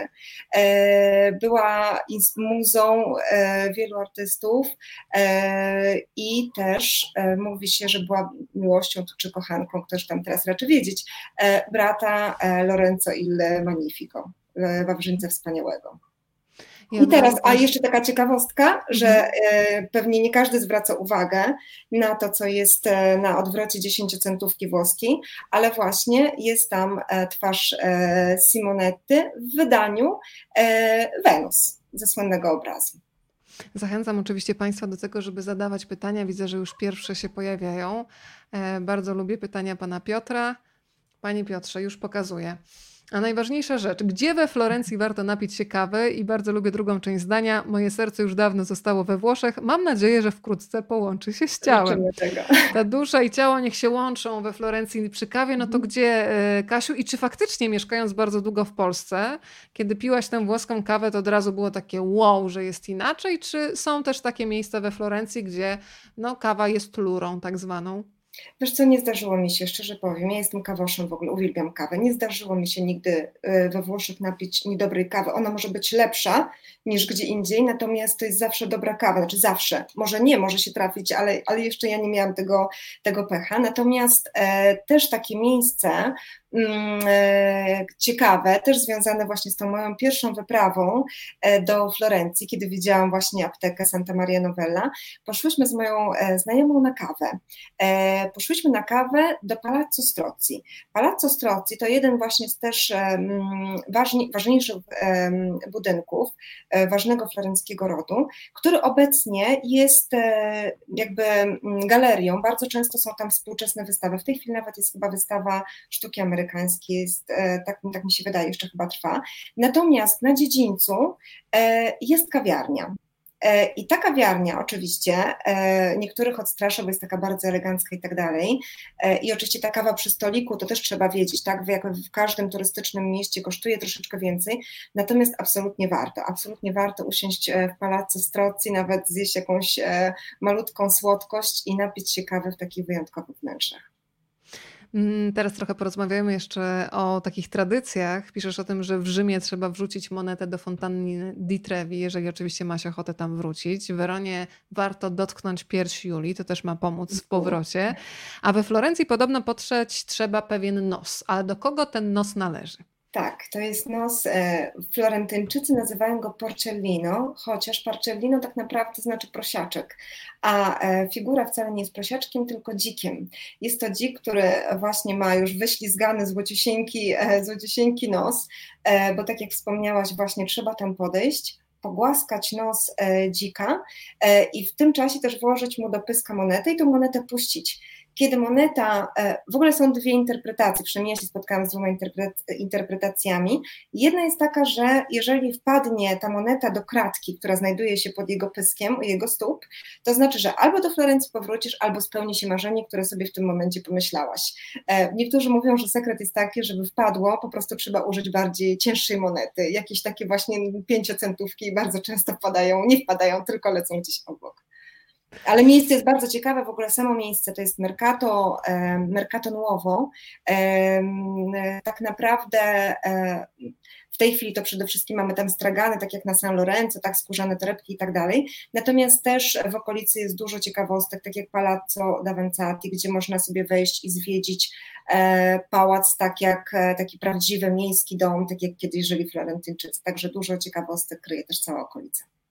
Kasia, powiedz, a jak się zmienia spojrzenie na miasto, na Florencję, mm, kiedy jest się już miejscowym, czyli jest się, no można pomyśleć o sobie, że jestem Włoszką. No, czuję się przynajmniej e, w taki sposób. E, to jest pytanie też, pod którym gdzieś jest schowana mm, taka wątpliwość, czy zapytanie, czy można się uodpornić albo przyzwyczaić do piękna. Bo e, to jest tak, że jeżeli przyjeżdżamy i jesteśmy z kompletnie innej rzeczywistości, to chłoniemy wszystko i zastanawiam się, czy ludzie, którzy już żyją tam latami, latami nadal doceniają to, w jak pięknej toskańskiej rzeczywistości funkcjonują, czy to jednak powszednieje? No widzisz, to jest e, pytanie, które ja bardzo często słyszę od e, moich gości i pytanie, mhm. które ja sama zadawałam bardzo często moim znajomym, którzy czy, czy mieszkali we Florencji, czy pracowali i każdy zawsze zgodnie odpowiadał, że nie można przejść obok Duomu obojętnie, że nawet jeżeli ktoś tą drogą przechodzi codziennie, to musi zadrzeć głowę i westchnąć. I rzeczywiście powiem Ci, że prawie za każdym razem na przykład jestem, kiedy jestem we Francji, jestem przy Duomu, prawie, bo zdarzyło się tak, że, że nie byłam. Natomiast e, tak ubawiłam sama siebie e, kilka tygodni temu, kiedy właśnie pędziłam, pędziłam ulicą, bo pędziłam na spotkanie z, z moją uczennicą e, i właśnie tak jak wystrzeliłam jak z procy z jednej z bocznych uliczek i właśnie wyłoniło się przede mną Duomo i powiedziałam, o, oczy słoń, ojku, bo rzeczywiście to jest jest piękne, które aż zapowietrza i myślę, że to nie jest coś, na co przynajmniej ja sobie nie wyobrażam, że można na to zobojętnić. Jeszcze No to skoro dziś. powiedziałaś e, o Duomo, no to pospacerujmy po pięknych posadzkach. Za chwilę będziemy zadzierać głowę, żeby popatrzeć na obłędne wnętrze kopuły. E, Bardzo też lubię w Twojej opowieści, mam nadzieję, że dobrze pamiętam, chyba tak, piszesz tam o takiej magii światła i matematyki, czyli że jest kilka Tak, dni w czerwcu, tak, e, kiedy posadzka, w którą jest wkomponowany dysk, e, nakłada się z, ze światłem, które wpada w określony sposób do tego miejsca. Powiedz, jak to działa, bo bardzo mnie kręcą, mówiąc kolokwialnie, takie rzeczy, które mają w sobie tę wyjątkowość, że to są na przykład tylko dwa dni w roku, kiedy to tak, światło idealnie się zgrywa z, z posadzką, bo to jest też kunszt projektanta, architekta tej przestrzeni. Dokładnie. I e, ten dysk, który jest w Duomo, ponoć jest najstarszym tego typu e, zegarem.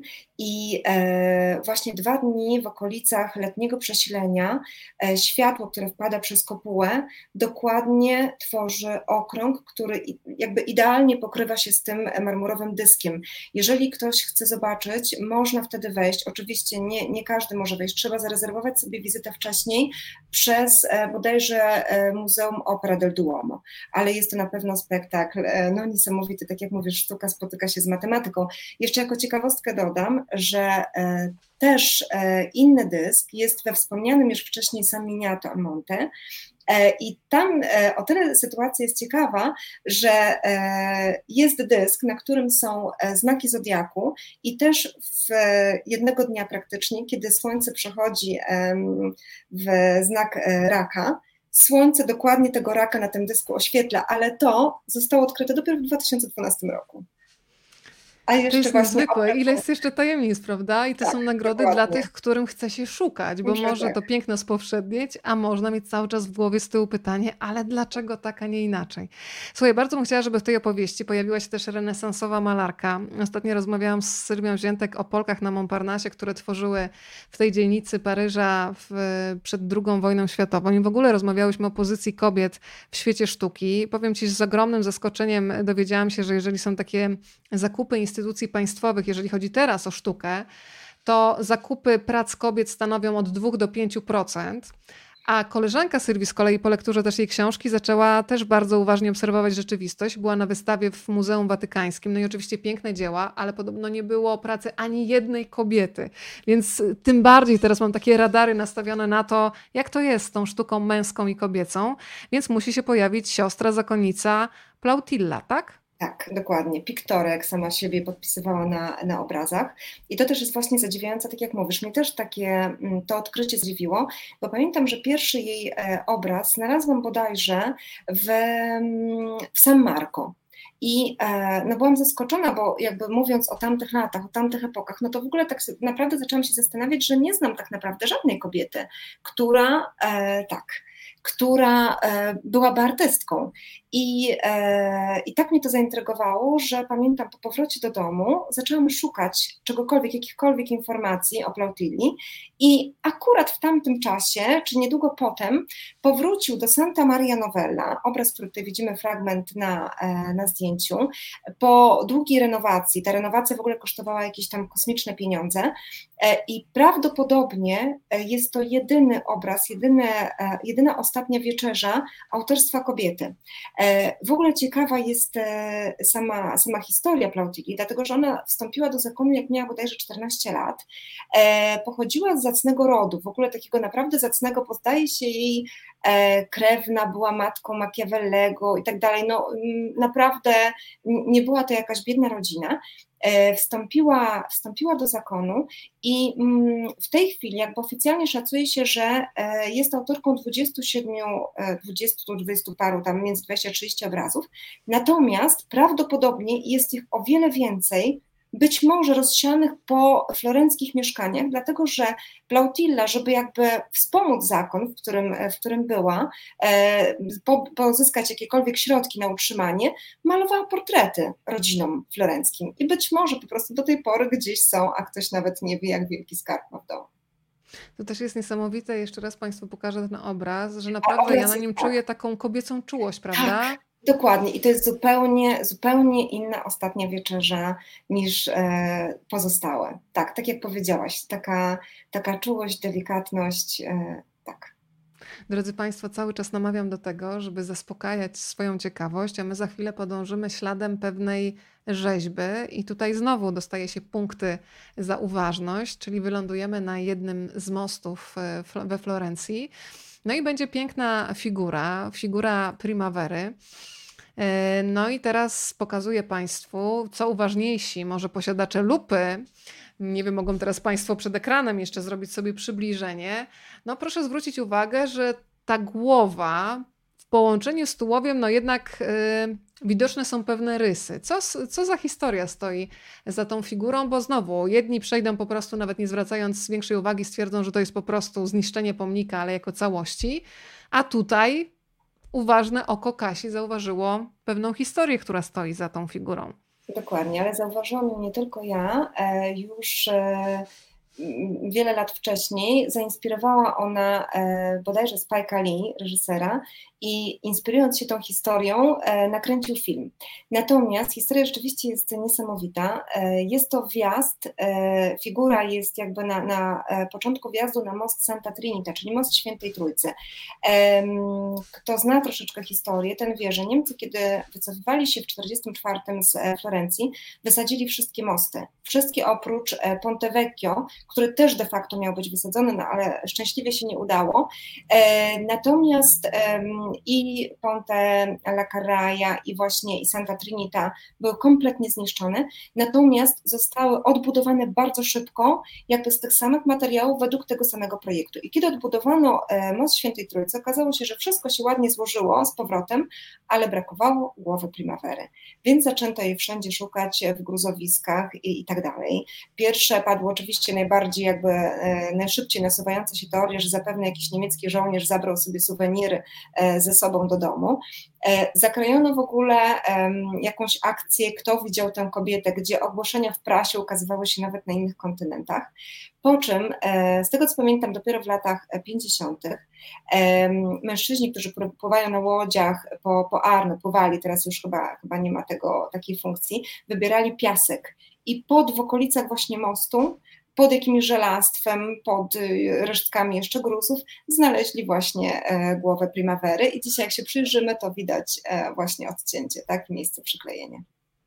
Są też e, takie ślady w mieście, które u mnie osobiście powodują wzruszenie. Ja przyznaję, że o takich kamieniach, które po niemiecku nazywają się Stolperstein, a po włosku, Kasiu, od razu Cię poproszę o pomoc jak? Le pietre d'inciampo.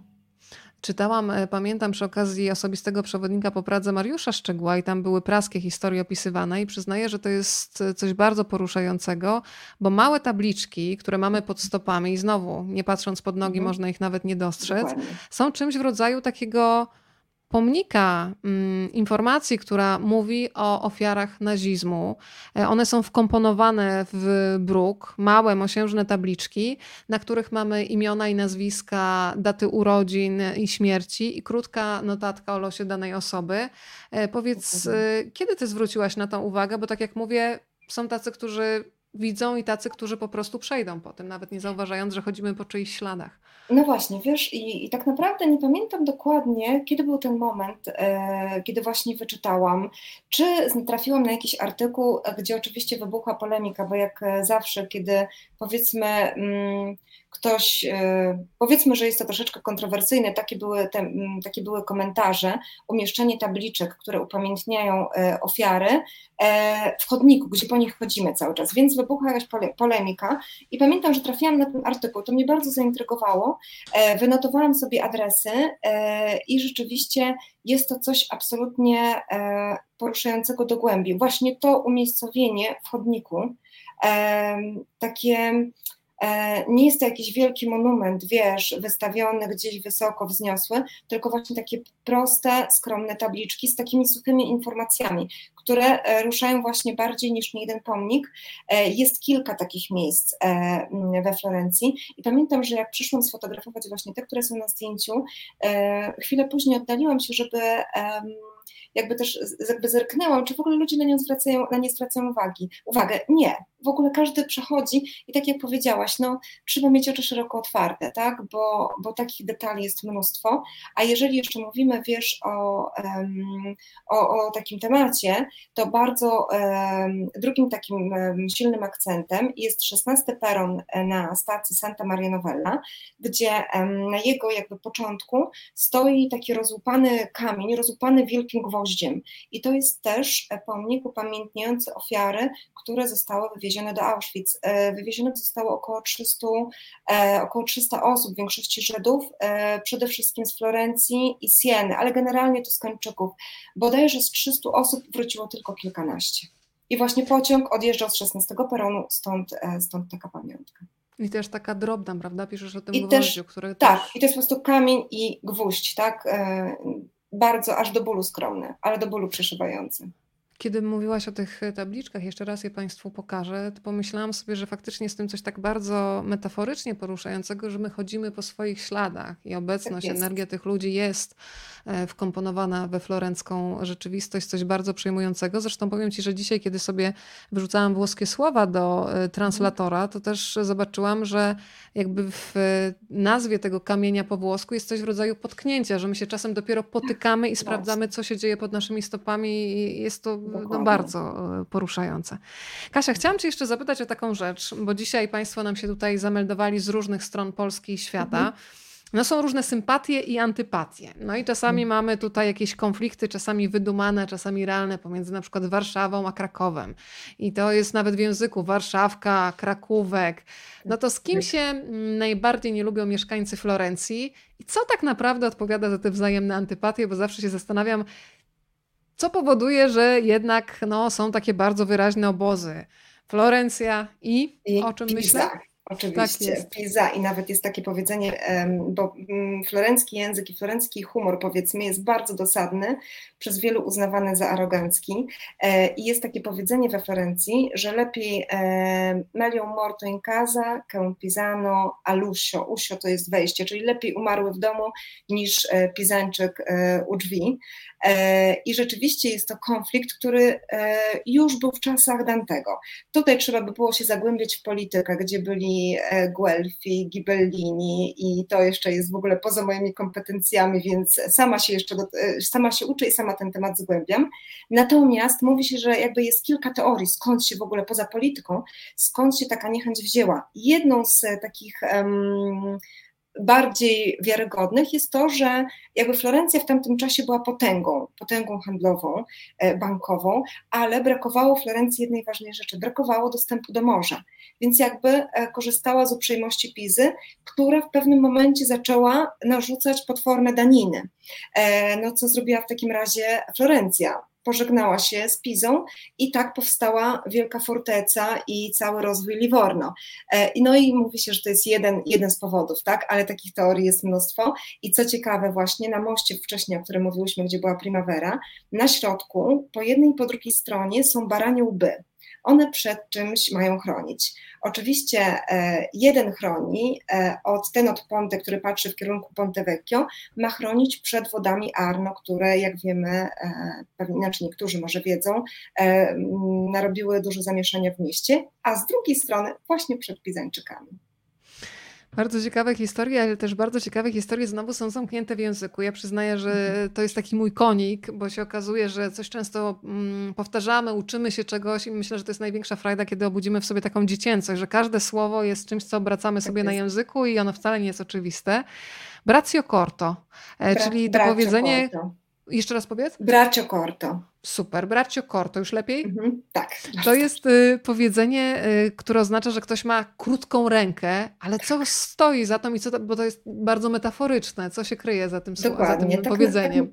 Tak, naprawdę e, to, jest, to była miara, w ogóle bracie Fiorentino to była miara, e, według tej miary sprzedawane na przykład tkaniny, z których też e, słynęła Florencja.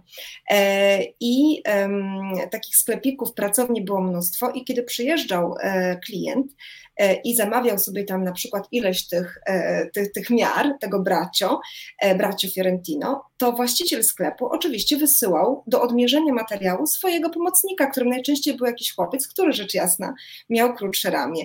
Bardzo często w takich sytuacjach wybuchały, e, wybuchały spory i żeby je ukrócić i, i zakończyć raz na zawsze, w jednej z uliczek bardzo blisko Piazza La Signoria jest, e, w tej chwili już chyba nawet nie ma tej metalowej wstawki, ale jest sam taki ślad na murze, który właśnie e, tak, który upamiętnia to, to słynne bracio, bracio Corto, czyli mieć krótkie ramię, być, być skąpym, można powiedzieć. Pani Bożena, która dzisiaj wygrała książkę, napisała, że Igor Mitora i to był jej pierwszy przewodnik po Toskanii. Drugim równie utalentowanym jest Pani Kasia. Miło. Blog, który prowadzi od kilku lat jest moim ulubionym. Podziwiam lekkość pióra i osobowość. Więc wszystkie dobre tutaj Bardzo myśli, dziękuję. które do Ciebie płyną, od razu Ci przekazuję. Drodzy Państwo, pozdrawiacie. Mówicie, że zatęskniliście za Toskanią. To jest też dobry moment, żeby zapytać o codzienność. Może codzienność też tego miejsca, w którym e, Kasia żyjesz, ale zanim e, przeniesiemy się z Wenecji do miejsca, z którego dzisiaj nadaję, to jeszcze Państwu pokażę piękną panoramę, mm, a Kasia nam opowie, z jakiego miejsca e, zostało to zdjęcie wykonane jako jego autorka. To jest zdjęcie też zrobione z e, Piazzale Michelangelo, czyli chyba najsłynniejszy, najsłynniejszy punkt widokowy E, Florencji. No i rzeczywiście e, tam nie można westchnąć z zachwytu. Warto złapać ciekawy moment, właśnie kwestia chmur, nieba, światła, pory roku, pory dnia i naprawdę można zrobić fenomenalne zdjęcie. Natomiast też warto wiedzieć, że takich miejsc jest we Florencji zdecydowanie więcej. Tak jak wspomniałam, jest Saminia Talmonte, jest Bello Sguardo, jest Ogród Róż, Ogród Irysów. Przepiękne zdjęcie można zrobić z wieży, którą widzimy na zdjęciu z Palazzo Vecchio. Także e, tak, szukajcie, szukajcie ciekawych ujęć. Ja przyznaję, że mam słabość na przykład do wszelakich targów e, staroci i zawsze z takich podróży lubię sobie coś przywieźć, bo lubię mieć przedmiot, który tak sobie w mojej głowie przynajmniej to koduje, ma energię danego miejsca i mm. zawsze kiedy jest jakaś taka e, smutna, szara, na przykład jak dzisiaj deszczowa rzeczywistość, to sobie spoglądam na taki przedmiot ze słonecznego miejsca mm. i mhm. myślę, ta energia jest tutaj skumulowana i mam to słońce w sobie niezależnie od tego, co aktualnie się dzieje za oknem. Zastanawiam się, czy jesteś bywalczynią takich targów staroci, gdzie on się mieści we Florencji i co można w tym miejscu y, znaleźć? Taki targ, e, jeden z takich ciekawszych jest właśnie na Santo Spirito, e, który się powtarza regularnie co kilka tygodni, raz w miesiącu. E, teraz nie wiem, jak to było w czasach pandemii, natomiast przed, przed pandemią oczywiście tak. I możesz znaleźć wszystko, od starych mebli, skorupy do kuchni, czyli porcelana, przez dzieła sztuki, oczywiście nieznanych artystów, ale czy ryciny, czy, czy jakieś e, akwarele, naprawdę, naprawdę niesamowite cuda. To, co mnie e, najbardziej, e, co przykuwa moją uwagę, no wiesz, ja uwielbiam gotować i wszelkie kuchenne przedmioty, które, których mogę używać, czyli na przykład właśnie cokolwiek ceramik, z ceramiki. Ja bardzo lubię mieć na stole talerze, każdy tak zwany z przysłowiowej innej parafii, także, także tak to jest zdecydowanie mój konik. Pani Iwona pisze, że pięknie zarażasz e, Toskanią. To ja mam Dziękuję. nadzieję, że epidemia koronawirusa się wycofuje, a teraz epidemia toskańska nam się tak tutaj tak otworzy, czyli taka epidemia, gdzie po prostu można się tylko mm, nasycać pięknym słońcem e, i można sobie po prostu wędrować, a prowadzi nas ciekawość. Pani Ania napisała, że Rozmowa nie powinna się kończyć. Tyle ciekawostek słucham urzeczona. Drodzy Państwo, my się za chwilę będziemy zbliżać do jej końca, bo już prawie półtorej godziny. E, więc jeżeli jest ciekawość, to proszę ją teraz bardzo proszę zaspokajać. Jest ciekawość, już widzę tutaj pytanie i już je przekazuję. Pytanie od pani Eli, która nas ogląda na YouTubie. Przy okazji zachęcam wszystkich do subskrybowania kanału, to nic Wam nie ucieknie. Które święto florenckie najlepiej zobaczyć na żywo?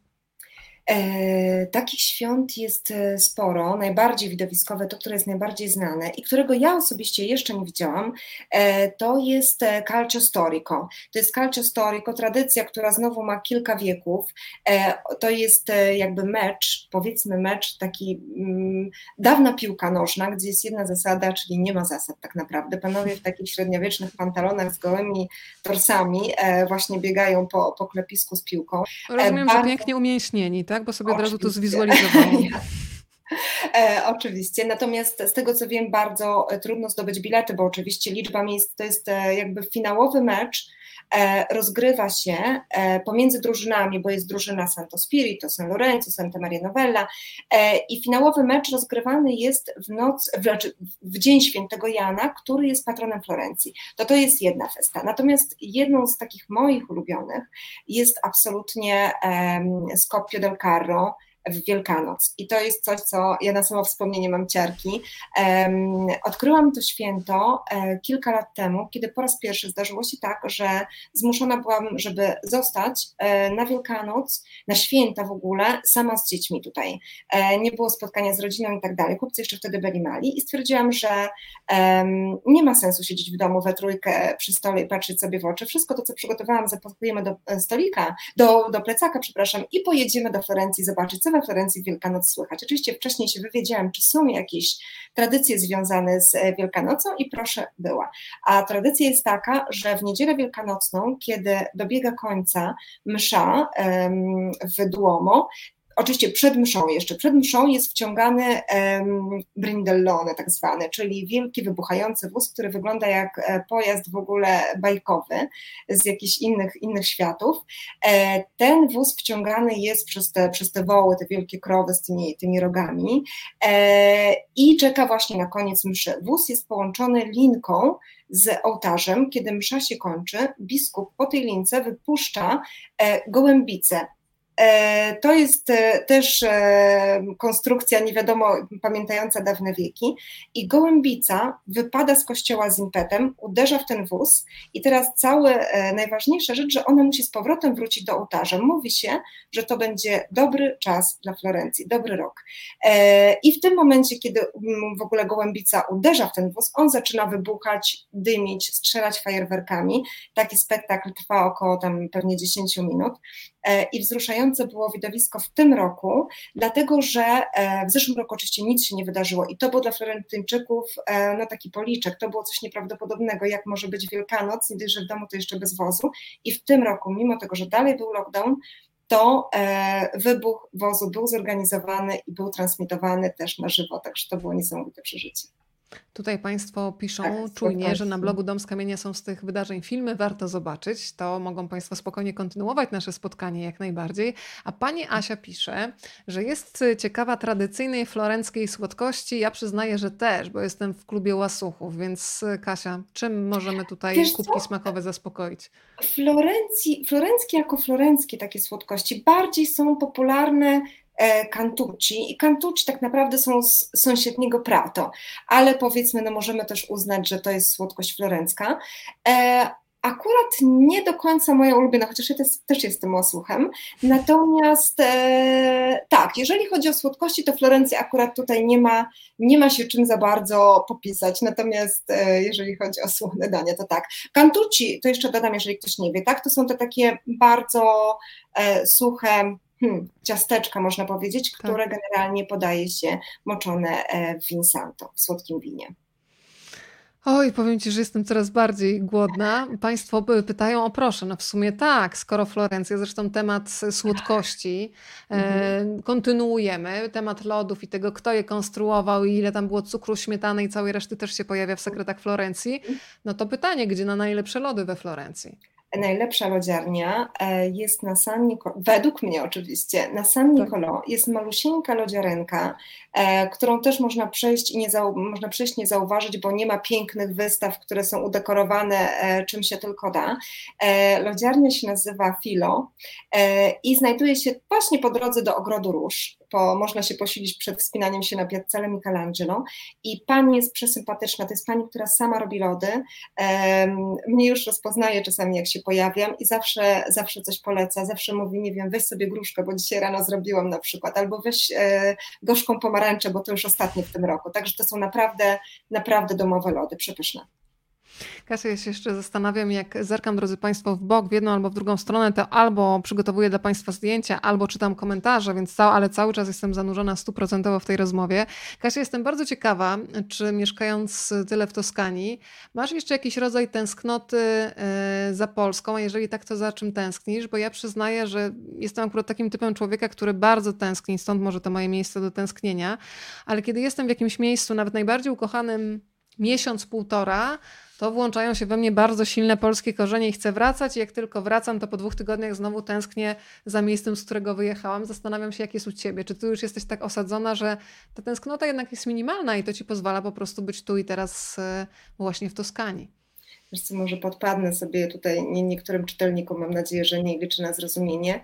Nie, nie czuję tęsknoty. Jeżeli czuję tęsknotę, to czuję tęsknotę za, za bliskimi, którzy na szczęście, no nie mówimy teraz o pandemii, ale na szczęście mogą mnie odwiedzać, to nie jest Australia. Natomiast ja nie, nie tęsknię. To znaczy, e, się na to mnóstwo rzeczy. Przede wszystkim to, że tak jak e, mówiłam, jak znalazłam się tutaj, poczułam, że to jest właśnie to, to jest moja ojczyzna, to jest moje miejsce e, i odnalazłam się tutaj fantastycznie. Mm, dla jasności to nie, były, to nie był łatwy, łatwy początek, tak? bo to były naprawdę bardzo trudne lata, ale to były lata, które mnie ukształtowały, więc jakby ja zawsze powtarzam, że w Italii urodziłam się na nowo, ja jako właśnie Kasia Nowacka, tak? E, jestem jakby kimś, kim wcześniej bałam się być.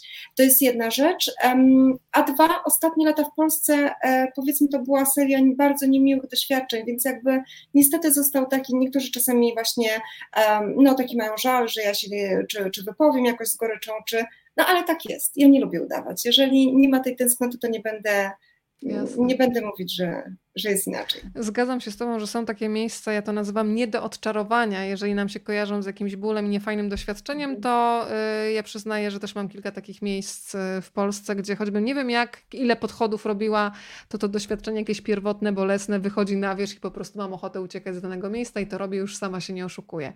E, pani Ania y, pyta, trochę już o tym mówiłaś dzisiaj, ale rozwijmy temat.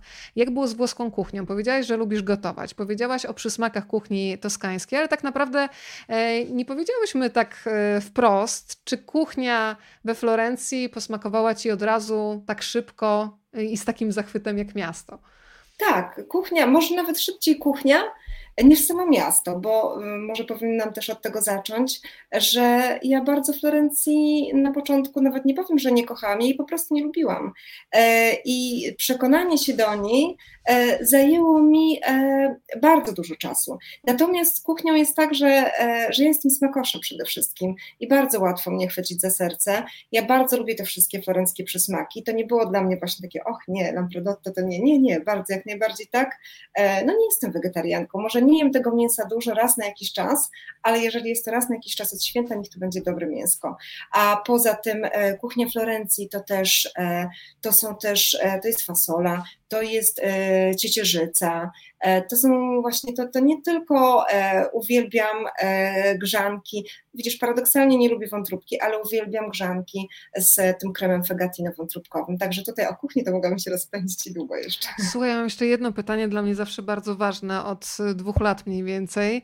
Jakim miastem dla zwierząt jest Florencja? Myślę konkretnie o psach. Czy to jest przestrzeń, która jest dla nich przyjazna? Ile w ogóle psów się mm, widzi na ulicach miasta? Bo to faktycznie faktycznie w różnych częściach Europy kompletnie inaczej wygląda. Wiesz co, to mnie właśnie zadziwia, bo ja akurat ja nie mam, nie mam psa e, i raczej pewnie mieć nie będę, natomiast bardzo dużo psów widzę na ulicy Florencji i w ogóle myślę, że Włosi bardzo lubią psy, bardzo lubią zwierzęta domowe. Czasami jak jestem właśnie w mieście, to zastanawiam się, gdzie oni z tymi psami wychodzą. E, jeżeli ktoś mieszka w centrum, szczerze mówiąc, to naprawdę nie wiem... Mm, nie wiem, jak to poukładać, bo nie ma tak blisko, no bo przecież nie wejdziesz do ogrodu róż. E, tak. E, natomiast jest ogromny park, którego też, e, którego też turyści raczej nie znają, bo powiedzmy, no nie jest to tak spektakularne miejsce jak ogród Irysów czy właśnie Torydziani, natomiast jest to Parco delle Cascine. To jest tak zwany, czasami się żartobliwie mówi, że to jest Nowy Jork ma swój Central Park, a Florencja ma swoje Cascine i tam rzeczywiście, tam można iść pobiegać, tam można iść e, z psem, e, o właśnie, tam można iść połowić ryby na Darno, bo czasami są zawody organizowane, tam jest basen i też dużo pamiątek po Medyceuszach, bo również e, Kasiny oczywiście splatają się z historią najważniejszego florenckiego rodu. Pan Piotr jeszcze, który nas ogląda na YouTubie, pisze, że piękne zdjęcie. Chodzi mu o, to, o tą panoramę, którą pokazywałaś, e, mhm. pokazywałyśmy wspólnie podczas tego spotkania. Mhm. Pan Piotr napisał jak obraz. No to chyba trudno o lepszy komplement, skoro jeszcze jesteśmy we Florencji, mieście miło. artystów. Pani Basia dopytuje, czy władze Florencji wiedzą, że mają taką wspaniałą ambasadorkę? Tego nie mam pojęcia, ale mam nadzieję, że się dowiedzą. Kolejne pytanie bardzo konkretne. Ja przyznaję, że pizza też najlepiej mi wchodzi po godzinie 22, właśnie 22.01 na zegarze. Mhm. Mm, więc gdzie najlepiej na tę pizzę we Florencji się wybrać? Nie mam zielonego pojęcia, bo nie przyszłoby mi do głowy, żeby iść we Florencji na pizzę. Przede wszystkim. E, dlatego, że jeżeli. E, to znaczy tak, przede wszystkim, tak jak powiedziałaś, słusznie zauważyłaś, pizzę jemy wieczorem we Florencji. Jeżeli e, ja widzę czasami turystów, którzy jedzą we Florencji pizzę w południe, to ta pizza nie może być, znaczy ona na, okej, okay, ona może będzie dobra, natomiast to nie będzie żadne dzieło sztuki, dlatego że to będzie pizza z elektrycznego pieca, czy nie daj Bóg jeszcze pizza jakaś tam odgrzewana i tak dalej, e, przygotowywana wcześniej, także, e, także nie. Pizzę przede wszystkim zaczynamy dobrej pizzerii szukać e, wieczorem i ja przez to, że właśnie nigdy, nigdy na pizzę e, się nie wybierałam we Florencji, to nie umiem polecić takiego miejsca. No i konkretna odpowiedź, szczera, bo piszesz, że bo, miejsca, które faktycznie możesz polecić, tak. Tak, e, bo to jest trochę tak, że e, tak jak ktoś na przykład, nie wiem, powiedzmy, jeżeli jadę do Ligurii, to chcę spróbować pesto. Jeżeli jestem we Florencji, to chcę, wolę zjeść fasolkę niż właśnie, e, niż pizzę, zamiast pizzy. Jeżeli jestem w Livorno, to chcę zjeść kaczupko, także polecam jednak zawsze, żeby, wiadomo, że pizza już jest jakby to jest światowa potrawa, tak? Ale jednak, żeby zawsze próbować E, bo Florencja to nie tylko dzieła sztuki, ale też przede wszystkim to wyjątkowe smaki. Kolejne pytanie, które wyświetla mi się na ekranie. Co zrobić, żeby zobaczyć trochę Toskanii, będąc krótko we Florencji? Zapraszam do Mugello, do, mojego, do mojego regionu. Tak naprawdę um, zobaczyć trochę Toskanii, to, um, to trzeba sobie wybrać jakiś, jakiś fragment. Jeżeli ktoś na przykład przyjeżdża do Toskanii e, i potem pędzi, jednego dnia Luka, potem Pisa, potem Siena, potem Florencja, E, to zobaczę wszystko i nic tak naprawdę. Florencja, e, jeden, jeden, jedyny region, znaczy jeden region jakby, a mnóstwo różnych twarzy. Jeżeli lepiej sobie wybrać na przykład Luka i okolice, czyli właśnie tam Garfaniana, albo Siena i Dolina Orci, albo zapraszam do Mugello, albo w kierunku Morza Livorno, albo Chianti i skupić się na takich małych, e, smakować sobie tą Toskanię po trochu. Także taka moja rada. Drodzy Państwo, to ostatnia szansa dziś wieczorem, żeby dać losowi szansę. Przypominam, hashtag rozmawiam, bo lubię. Za chwilę będziemy uruchamiać, już w zasadzie uruchamiamy po raz drugi maszynę losującą. Tutaj mamy imię i nazwisko pani Bożeny, która już jedną książkę zgarnęła, ale obok mnie jeszcze jest drugi egzemplarz, który z przyjemnością znajdzie nowego właściciela lub właścicielkę. Już e, sprawdzamy.